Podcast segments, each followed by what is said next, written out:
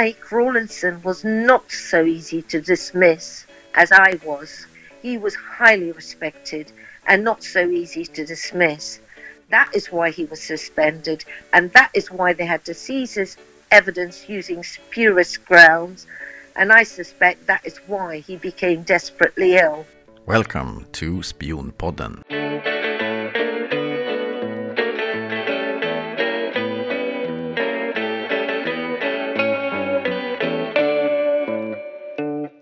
Hello and welcome to Spionpodden. We continue with yet another episode of the series on the Swedish intelligence officer Michael Rawlinson's strange fate and mysterious death. So, here is the second part of the interview with the former EULEX prosecutor and head of financial crimes in Kosovo, Maria Bamieh. She was a whistleblower who decided to go to the press with allegations of corruption and cover up within EULEX. Ms. Bamieh wrote, This is a political time bomb, and EULEX needs to deal with it as soon as possible. However, no action was taken on her warnings, and the whole story seemed to be swept under the carpet. Well, at least I didn't know about it, nor about the tragic death of Swedish surveillance officer Mikael Rawlinson until I read journalists Nils Resare and Hugo Lemonier's story in the Swedish newspaper Svenska Dagbladet. Anyway, let's continue to hear Miss Maria Bamieh's fascinating story. Hello, good afternoon. Good afternoon. Hello. Hello, Maria. How are you? I'm good, thank you. Excellent, excellent. Listen, I, it's quite interesting because I was sitting here editing your uh, the interview we did last time, and and so I didn't have my equipment on, so I thought I should give you a call and record, so you know that I'm recording now. Okay? Okay. You you heard the interview with with the, the episode with with Francesco Florit, Yes, I did. and uh, and and I was a bit concerned because he seems to be blurring and obfuscating the issues to uh, portray uh, a certain image. Um, but if one looks closely at the facts, it's not accurate what he has uh, stated in that interview, and I hope to prove that in this interview. Okay, so so tell me what what is it? Right. There was one investigation that was started by Mats Mattsson after they lost my initial report to Silvio Bonfigli. The Italian. The Italian left and Max took over and he didn't know what had happened before, but uh, following uh, a search for my initial report, which had gone missing suspiciously, uh, he decided to conduct an investigation and quite properly got an independent uh, investigator, Heike Wendorf, and he recruited um, uh, Mike Rawlinson. That started in August 2003. Okay, but, you- sorry, you said 2003. You meant 2013, right? 2013. Yeah. Okay. Yeah. Yeah.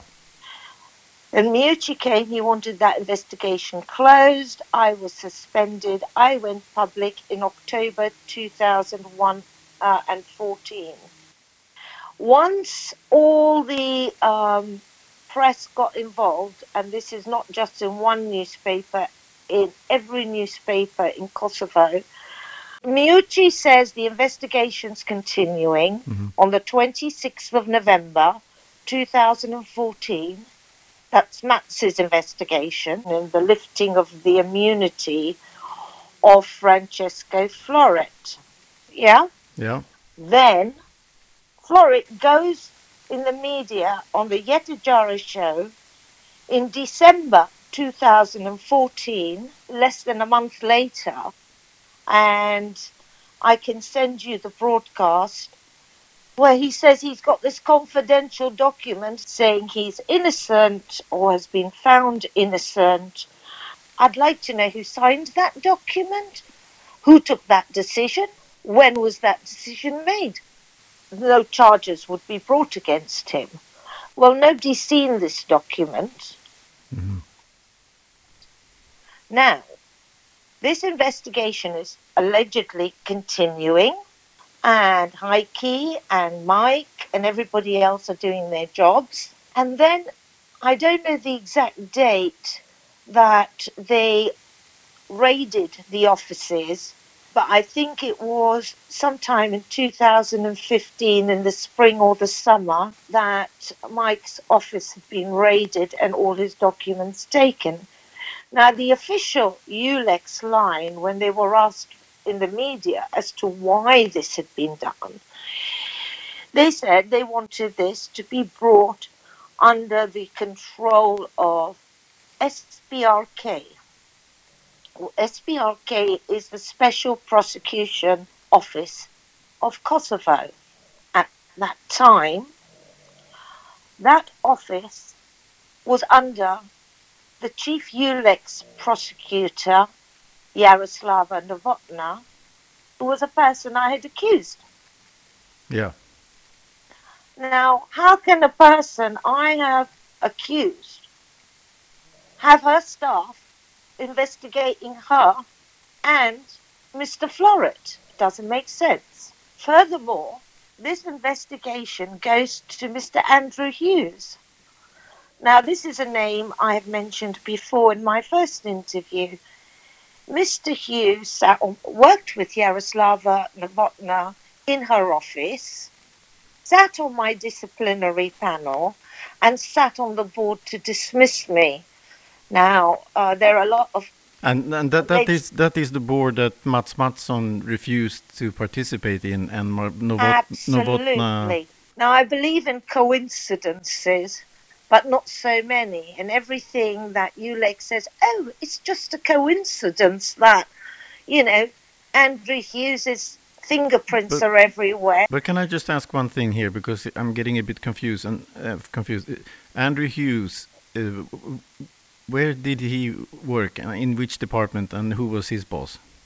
His boss, initially, he worked in the district prosecution office which was the same office where the chief EULEX prosecutor Yaroslava Novotna worked. They were together. So was Dan- Danilo Cacciarelli.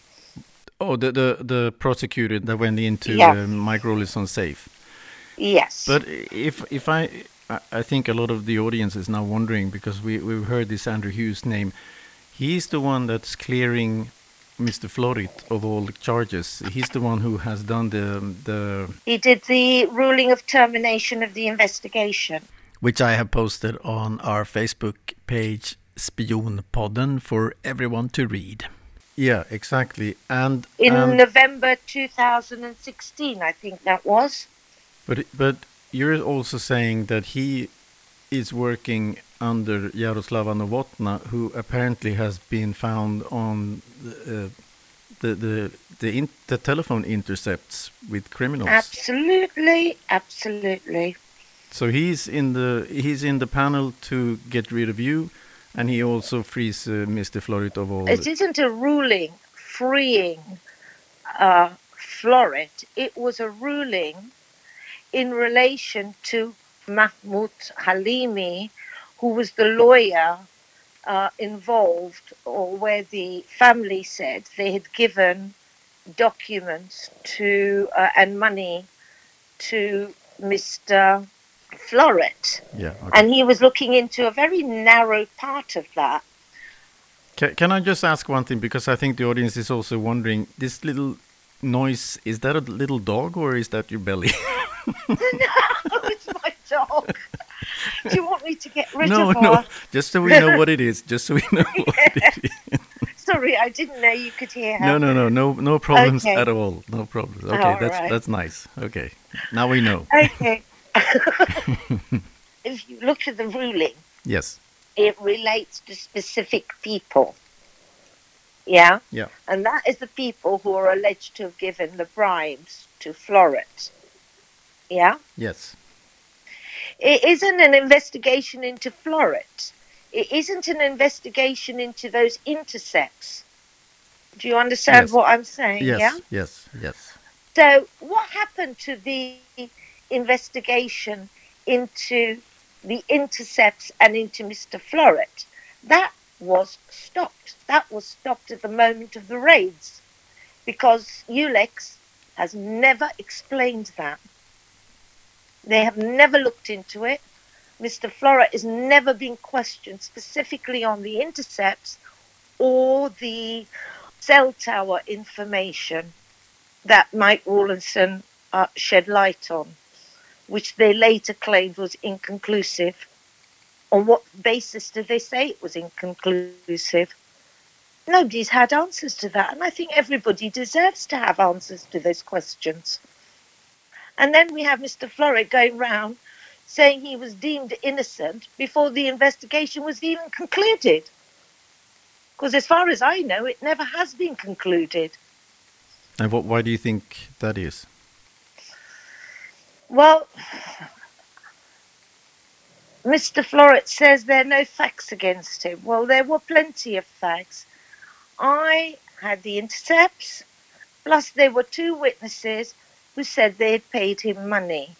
Then I had the intercepts in Tolai, and as a prosecutor, I have a legal duty to report these matters. I did not know what to do with this information.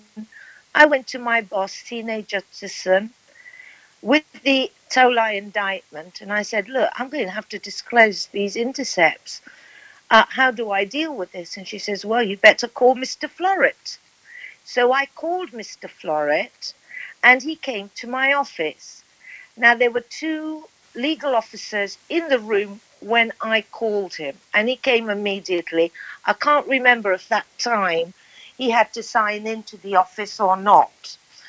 But he came in and he said he would make a, a written statement, which he did, and he gave me.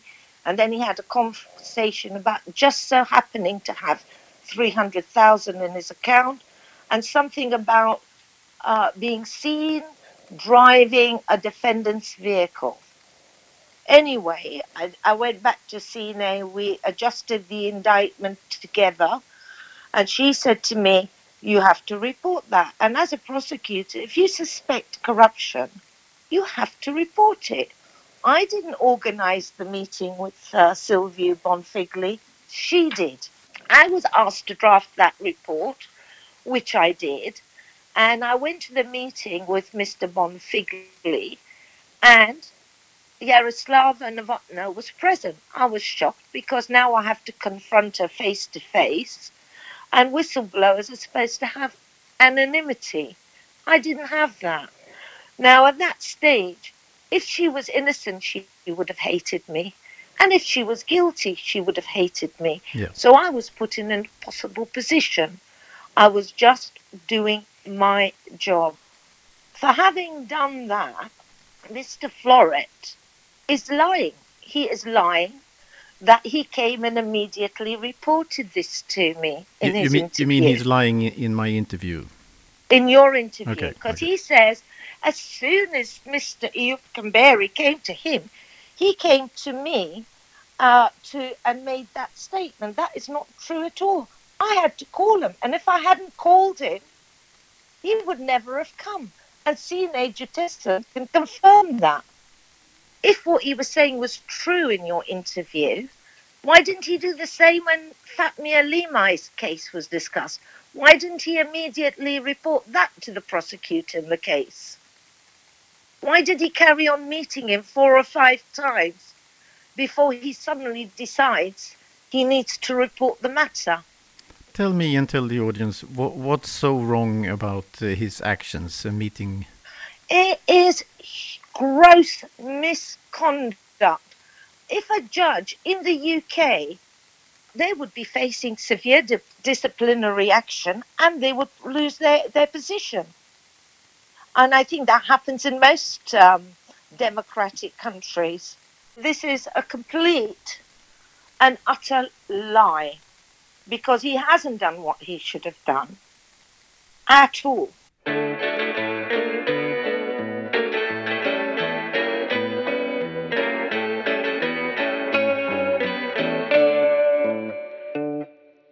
The other issue um, that I had with him is his, um, and I've noticed this not in just this interview, but your listeners can look at all the video interviews Mr. Florit has done. Every time he is asked about these intercepts, his body language changes. Which which intercepts are we talking about now? The Tolai The Tolai, okay. And he is now trying to distance and not answer specific questions on the Tolai uh, intercepts because every time he's asked about it, now he refers to an intercept in the Sekiracha case. Yes, I noticed that, and I do have all the Tolai uh, intercepts. And, yeah, um, that and that was- came from some, a document uh, that is called um, uh, formal grievance, and I think it's actually from you. Uh, I- no, I- no, no. no, you didn't give it to me, but I think it is form in, in the formal grievance. No, Oh, I had a different intercept in the informal grievance. Um, I had one, and I don't know if this is the one you're referring to. Um, let me get to it. I think you mentioned this interview when you spoke to Mr. Florit, where his name it's uh, on the sixth of June, two thousand and twelve. yes, exactly. Yes, that's the one. Yeah, that's the one. Yeah, uh, that one. What does it say? Can you can you read to me? Yeah, the monitored number says, "Look, when you contact this guy in Italy, ask him about Francesco Florit. Calling number says Francesco Flori. Monitored number says Francesco Flori is a judge here. He is the president of EULEX judges here. Calling number Francesco Flori. Okay. Monitored number. Yes. Francesco Flori. He's quite long here. He was during UNMIK and now he's also here and most of his of the panel of the three judges he appoints this. He has a very big influence, you know. And who who wrote these intercepts? I mean, who who who who wrote them down on paper? The intercepts were uh, in Albanian. Okay. and those Albanian intercepts were translated at the time I did the um, Tolai case.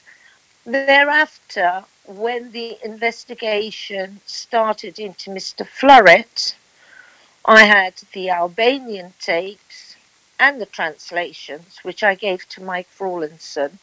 He didn't uh, trust our interpreters and he had them reinterpreted on his own account.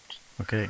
Why is um, Florit referring to an intercept where he says Flori, not Florit, Flori, the name of Flori? It is quite clear Okay. that in Albania they don't use the the proper names. There was no other judge, local or international, called Francesco Flori. They used to call him Flori. That is it. They're referring to him and no other. There was no other president of EULEX judges with a name remotely like that. He was the only Francesco Florit. But I do, yeah, I I do have an intercept because he he he, he goes back to the name Sekiraka uh, intercepts, and that has that that, that has nothing to that's a different nothing yeah. to do with this. But I do have an intercept because I, I kind of looked that up afterwards, and I do have that intercept. And in that intercept, there, he's, they're referring to somebody named Flori. yeah, he is. But that's a different case, so that has nothing to do with it's a, it's a different case. Okay. But in that case, it was before Francesco Florit started. The, the Sekiracha intercept was before Francesco Florit came to the mission. He came to the mission in 2008. And just because it was before he came officially into the mission, it doesn't mean he wasn't in and out of Kosovo before that. No, but I was asking him about the intercepts from Durres, and he is actually referring to intercepts in the in the Sekira case, and therefore he is telling the truth about what he's uh, because it was before he was in in Kosovo, but Absolutely. he's not ans- but yeah. he's not ans- he's not answering my question. And that's irrelevant. It's nothing to do with this investigation. Okay, but why did he, why does he do things like that? To obscure, to avoid answering questions. Just look at every single interview he's ever done. Okay. Talk about the timeline. Why is the timeline is so important in this? Well, you've got a clear conflict. You've got Meucci in the 26th of November saying that the Heike investigation is going to continue. And you've got Florit going on television in December on the Yeti Jara show saying he's been found innocent. There was no other investigation. That was the only investigation that was going on. There wasn't an internal disciplinary investigation that he was cleared from. There was nothing else apart from Matt's investigation, and Matt, I am sure, will confirm that. I want to see the ruling on the termination of the investigation into Florit. Yeah, because the the investigation, uh, as I understand it, has not been formally closed, has it? Nope. So I don't know how Mr. Florit is going around claiming uh, that he's been found innocent of this. But it's not only Mr. Florit, I, I would say. It's also uh, Yaroslava and, and Hughes. Well, That that with Yaroslava, I accused Yaroslava because, as you know, her name is all over the papers. It is alleged that Florit contacted her. She contacted me. She started putting pressure on me. And she also leaked information to the suspects in my case, for, which there was no investigation. And I wanted both of them investigated. Uh, my allegations were against both of them, but they only started an investigation into Mr. Florit. And when Heike was dealing with Florit, he wanted, and I'm told this from very reliable sources quite high up, that he wanted to uh, expand the investigation to include Yaroslava Novotna. Ken Dean decided he was out of control. Ken Dean then went to the Finnish government uh, to convince them that they had to get rid of Heike Wendorf. I've heard other things, but um, at this stage I cannot say. But um, that's how I understand things happened. Can I read? The- Can I read from a mail from you? You write Yes. something. You you write to me. Um, why no one is investigating Florit for these actions, or indeed his criminal contacts in EU, who are leaking who are leaking information to him. This Yeah. whole I'm just reading. This whole affair needs to be properly, openly investigated, including the role of the EEAS. Why did the European Parliament allow Mogherini to investigate herself? And why give anyone the space to cover up? And why did she allow the EEAS to be involved in what was supposed to be an independent investigation? Precisely. Let me explain that.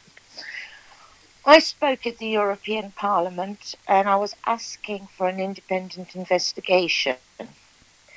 My uh, British representative, Mr. Richard Howitt, who was a member of the Parliament, spoke to me and he said that Mogherini is asking the European Parliament to allow them to allow her to investigate this matter. And I said, absolutely not. And he went back and I believe was fighting for it to be outside of the EEAS. But Mogherini basically said, look, I'm new to the position. Give me a chance. Let me investigate this. I will appoint an independent investigator. and the European Parliament fell for that. And who was that independent investigator? It was a Professor Jean Paul Jacques. What happened after that was it was clear someone in the EAS, well, Ken Dean and Alexis Hoopen were coordinating this so called independent investigation. They were helping Professor Jacques, and I've got evidence of that in emails because uh, Jacques let it slip that Alexis Hoopen was involved. Now, there's another name that suddenly pops up all over the place. Uh, I objected to, and I've got the emails, to them having anything to do with the investigation. And he said, no, no, no, he's just assisting me. Well, hold on a minute. That is having something to do with the investigation. In any event, and, uh, what, what, let me. And, and what is so wrong with that? Well, it's not external. It's not independent because the people who are under uh, scrutiny are controlling what Professor Jacques gets, who he interviews, or controlling the direction of the investigation. For example, Mike Rawlinson gets interviewed by Jacques and then suddenly, Meucci knows all about his interview and what he said about Jacques after the interview and has him suspended.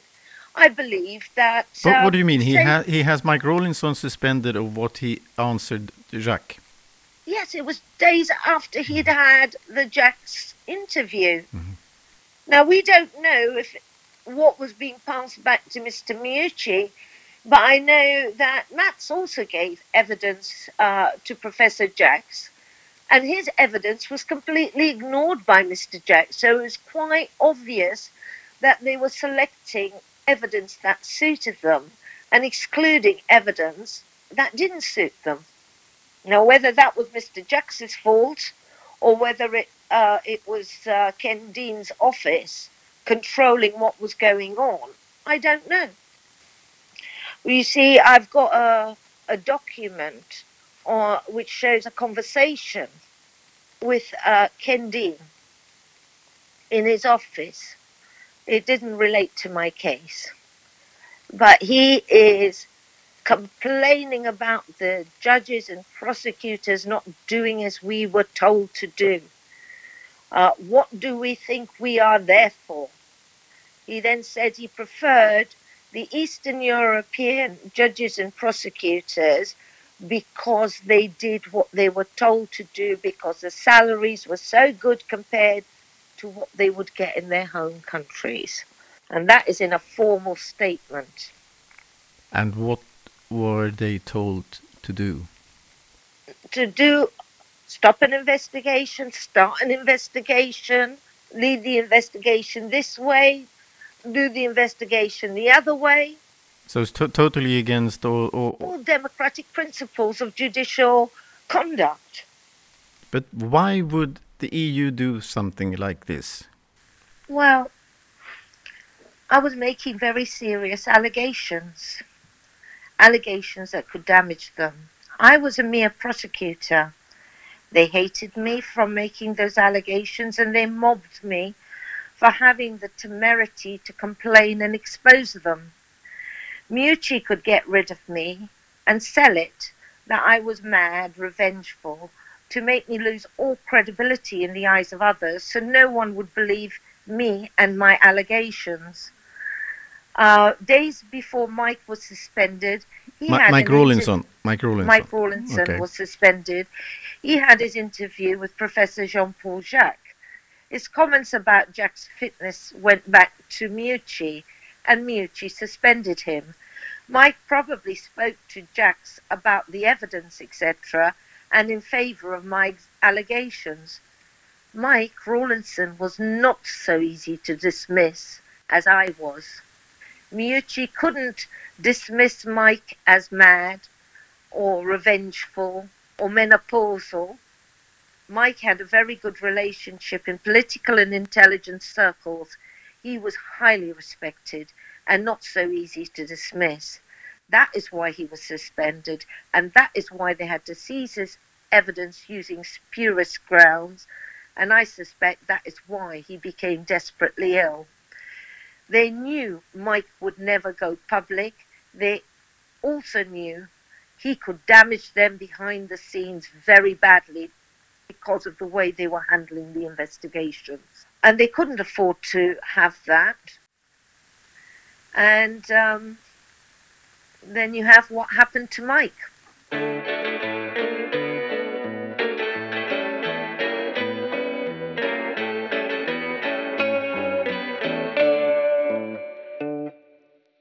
He gets ill, terribly ill. He almost dies, and, and he's saved in a hospital in Sweden. He's taken by helicopter, and by coincidence, they do go into his um, safe when he's not capable of defending his his property or or uh, his uh, witnesses. Absolutely. Absolutely.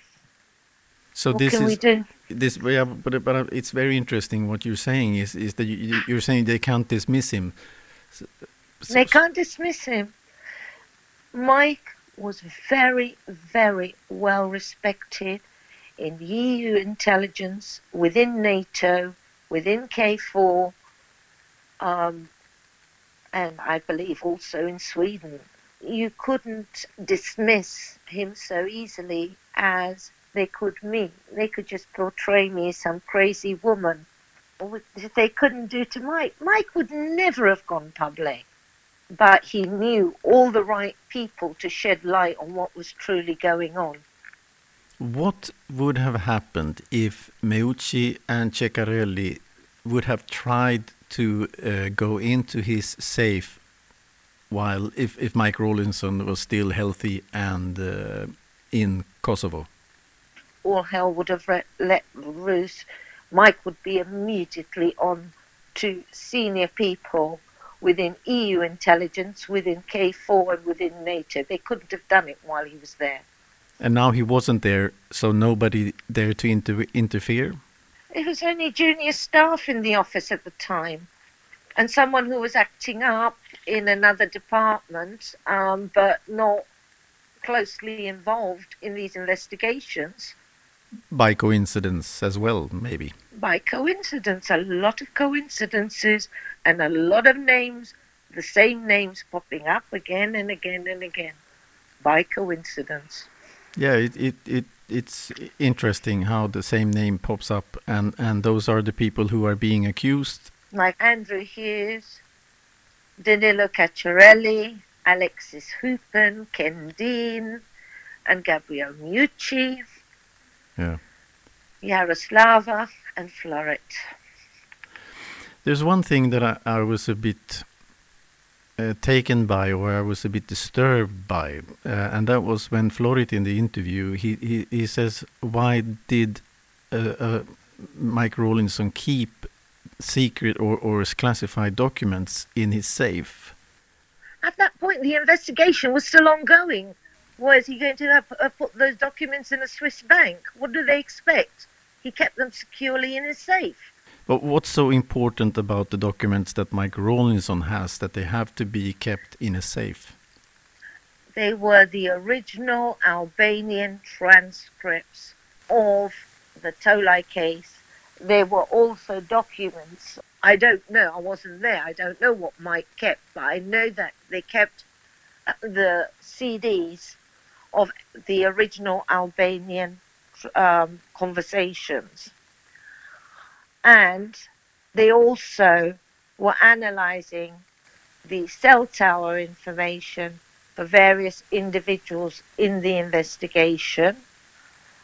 Uh, what else he had, I don't know, but I But do can- know that not all the tapes were returned. hmm And in one of um, the press releases, uh, I don't know if it was in the Jacqué report or Mr. Meucci saying this. Uh, what they said was, oh, these people were, uh, they knew Maria was intercepting them, so they were just playing along. So that is absolute nonsense because I had an intercept when I went into the prison because I was not just intercepting Mr. Tolaj, I was intercepting his intermediaries as well. So when I go into the prison and I seize his phones, he then has another phone which we didn't seize because immediately after the raid, he then phones uh, Mr. Emir, Emiri, uh, the guy who worked in the hospital, and says, oh, she's come, she's taken the intercepts. What have we said on those intercepts? And they were trying to recall what they had said and not said. And uh, Emir Amiri turned round and said on that intercept, well, it's too late now. We can't jump out of our own skin. Those are not the words of people who were playing around. Those are the words of people who have just found out they're being intercepted. That's another part of the cover up and I think it was in the Jacqué's report. Why is it so important that Ceccarelli and Meucci gets a hold of the originals and not copies? Well, the originals are the only thing that's admissible in court. If you take a copy, anyone can accuse you of having played with it, tampered with it, uh, that it's not an accurate reflection of what the original had on it. So it's not really worth anything evidentially in court. But then I get even more confused. Why is Florit accusing Mike Rawlinson of keeping these documents in the safe if that's the only way to get somebody sentenced to jail in court if, if they don't have the original and that's what Mike Rawlinson was keeping in the safe? Yeah, absolutely. Um, again, it's uh, Mr. Florit trying to cast smoke and mirrors because, as a judge, he well knows that the original uh, interceptions are the most important thing and the only thing that's truly admissible in court. And he well knows that was the only thing that could have convicted him. And he was scared of it. And he's always been scared of those intercepts. Yeah, uh, it, it's really a scary story, and, and one gets more and more confused. Not confused, but but but I, you know, yeah, it's com complicated. Well, it's, not complicated yes. web. But I think yes, it's it's a web. But but who? There has to be somebody in charge of this whole affair. There has to be one person, one department, someone at the top who who is marionetting. Mar I don't who is, think I don't know, but I don't think it was Mogherini. I don't think she was the marionette uh, player. I think it's somewhere in between. Um, I know that the Italian embassy were um, going to the EU in Brussels. Um, there were a lot of people in Brussels who wanted to sweep this under this carpet not least of all Ken Deane, might not be Ken Deane, might be even higher than him, but someone needs to investigate who it is that was passing information to Mr. Florit. It is unacceptable in 2021 a democratic institution of the EU should allow something like that to pass by without even a nod or a wink it, it, it's it's absurd. It's reminiscent of uh, what you'd expect in a dictatorship, not in a, a, in a democratic country that institution that believes in the rule of law. Shocking. I'm sorry uh, if that sounds over the top, but if someone has been passing confidential information to Mr. Florit, that must be investigated. And once you start investigating that, you will find more and more information as to how various investigations are being covered up and swept under the carpet. Because Mike Rawlinson and Heike's investigation has never officially been closed. Yet, very oddly, Florit has got a document saying he's innocent. before he was even investigated. Okay, well, Maria, where are we today? All I want to see is institutions that truly reflect the democratic values we all aspire to. I was, in a way, naive because I was bright eyed and bushy tailed, and I thought I was contributing and making a good contribution to justice, and I believed in all those principles. And the worst damage they have done to me is to take away all those things that I truly believed in. Maria, thank you very much for this, and I'm honored. And I, I think everyone, everyone in who is talking uh, and being and want to to speak out in this um, series, I think they're very brave. So I, I truly admire you. Um, but I admire you for doing a wonderful job shedding light on this because I thought everybody had forgotten and it had all been swept under the carpet. Thank you very much, Maria, and um, goodbye. Thank you. Goodbye. Thank you. Bye. And don't forget to visit us on Facebook, Spionpodden, and or Instagram, spion.podden, where I always post extra material from each episode. This time I'm posting her formal grievance and there are some very interesting transcripts of the telephone intercepts there in the Tolaj case. I'm also posting the intercept referred to in episode 30, Judge Florit's interview, and also referred to in this episode as the Sekira case, which Ms. Bamieh claims she had nothing to do with. My name is Mikael Hylin. Until next time, bye.